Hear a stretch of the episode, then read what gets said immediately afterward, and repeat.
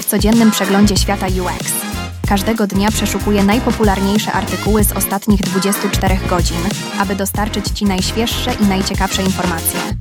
Przygotuj się na krótkie, ale treściwe podsumowanie najnowszych trendów i innowacji w User Experience. Gotowi? Zaczynamy! Dzisiaj, 21 lutego, zapraszam Was na kolejną odsłonę UX Shortcast. Nicole Gallardo napisała artykuł pod tytułem Kontrowersyjna rola pośredników w projektowaniu produktów. I jest to prawdziwe wyzwanie dla nas, zajmujących się doświadczeniem użytkownika, TAR UX. Wyobraź sobie, że używasz GPS do poruszania się wszędzie. Przestajesz zauważać świat dookoła siebie – to właśnie robią pośrednicy w projektowaniu. Są to skróty w postaci narzędzi czy metryk, które używamy, by zrozumieć, czego użytkownicy chcą, bez zdobycia pełnego obrazu ich indywidualnych potrzeb. Te pośredniki mogą być dużą pomocą. Sprawiają, że czujemy się, jakbyśmy rozumieli naszych użytkowników, pozwalają testować, czy nasze produkty działają, kierują naszymi wyborami projektowymi i ułatwiają współpracę. Ale jak to z każdą inną rzeczą, za dużo dobrego nie jest wspaniałe. Jeśli opieramy się na tych pośrednikach zbyt mocno, możemy przegapić prawdziwy skarb. To, czego nasi użytkownicy faktycznie potrzebują i jak się rzeczywiście zachowują. Kluczem jest więc mądre ich używanie i niepozwalanie, by zastąpiły rzeczywiste doświadczenie.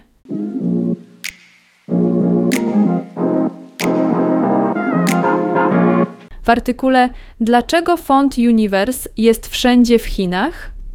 Autorstwa Fo Icing koncentracja jest na wszechobecności fontu Universe w chińskiej reklamie, szczególnie na obszarach wiejskich.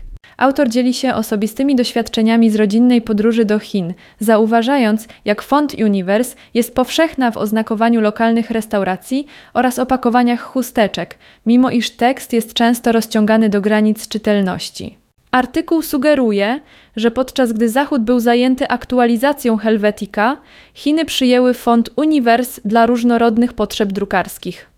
Obserwacje autora są osadzone na tle tętniącej życiem, głośnej i pełnej gościnności chińskiej kultury, jaką doświadczono poprzez rodzinę i jedzenie.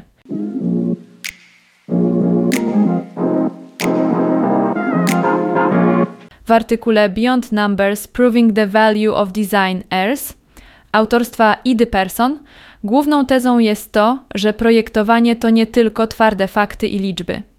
Person argumentuje, że choć ludzie biznesu kochają swoje dane, prawdziwa moc projektowania płynie z jego emocjonalnego wpływu, który nie zawsze można podsumować liczbami. Weźmy na przykład sytuację, gdy jesteś u lekarza, a on prosi cię o ocenę bólu w skali ta liczba nie zawsze oddaje pełną historię tego, co czujesz. Person mówi, że to właśnie historie i ludzkie połączenia zapadają nam w pamięć i robią różnicę, a nie tylko kliknięcia i wyświetlenia w internecie. Więc mimo, że życiorysy i biznes mogą koncentrować się na metrykach, prawdziwa wartość pracy projektowej często leży w tych niemierzalnych, kreatywnych i emocjonalnych aspektach, które rezonują z ludźmi na głębszym poziomie.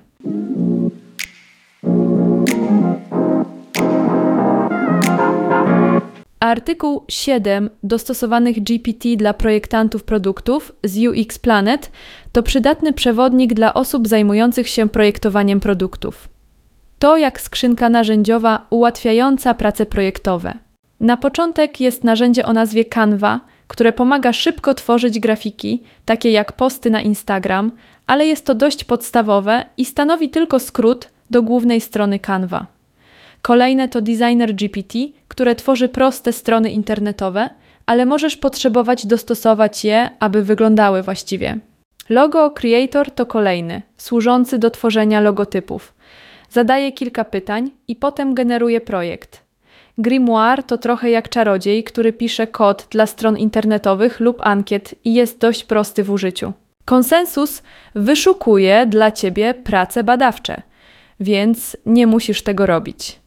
Negocjator to jak treningowy kolega, który pomaga ci stać się lepszym w zawieraniu umów lub przekonywaniu ludzi.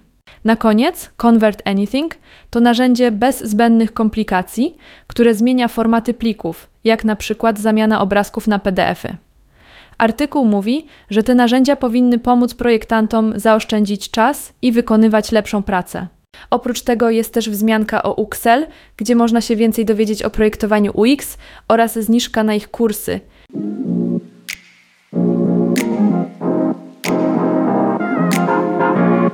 Książce Bagawata Mohana Płynne żeglowanie czy burzliwe morza. Jak z uśmiechem pokonać bolączki w doświadczeniach klienta, zagłębiamy się w trudności, z jakimi firmy zmagają się w kontaktach z klientami. Wyobraź to sobie jak rybołówstwo. Chcesz złowić dobry łup, ale czasami ryby nie biorą, bo przynęta nie ta. Po pierwsze, mamy problemy na poziomie interakcji. To jakbyś zadzwonił po pomoc, ale zostawiony jesteś w nieskończoność na trzymaniu linii, albo strona internetowa ładuje się jak melasa. To denerwujące, prawda? Firmy muszą to naprawić, będąc szybkimi i jasnymi w komunikacji. Następnie mamy całą podróż, od momentu, kiedy zauważysz produkt do jego kupienia. Jeżeli proces wydaje się być jak labirynt albo jest po prostu bezosobowy, prawdopodobnie to zostawisz. Firmy muszą uczynić to proces płynnym i sprawić, byś poczuł się wyjątkowo. Wreszcie kwestie ogólne, poziom relacji. Jeśli firma jest mało konkretna, niejasna co do kosztów, albo wydaje się, że po prostu nie dba po tym, jak już mają Twoje pieniądze, zaufanie wypływa za burtę. Muszą być otwarci i wspierać klienta. Podsumowując przekaz z artykułu Mohana. Firmy muszą stawić czoła tym problemom na każdym kroku, by klient był zadowolony i wracał. Chodzi o to, by upewnić się, że klient płynie gładko od początku do końca.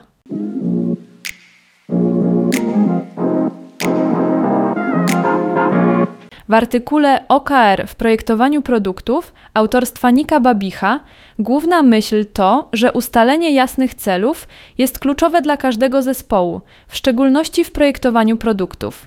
OKR, co oznacza cele i kluczowe wyniki, to sposób na wyznaczenie tych celów.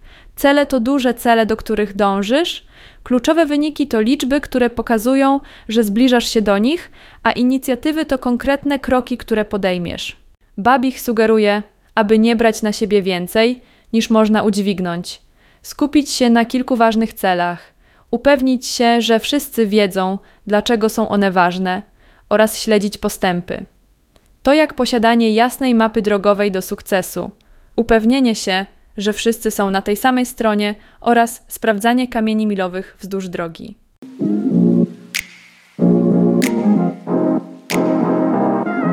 Dziękuję za wysłuchanie i zapraszam na kolejną dawkę wiedzy już jutro.